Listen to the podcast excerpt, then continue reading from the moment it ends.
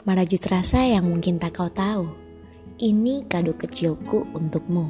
Sesederhana ini pula perasaan yang lama tersimpan dalam hati. Tak mampu ku juga lebih lama. Ingin terbawa saja oleh angin yang berlagu rindu.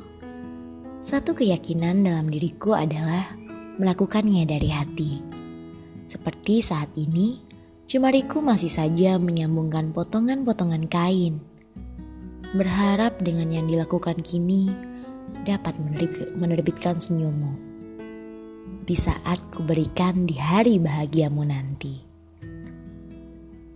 Untukmu yang masih menyimpan rasa dalam hati. Kado kecil oleh Hana. Tulisan ini dibuat pada tanggal 25 Maret tahun 2015 di Yogyakarta.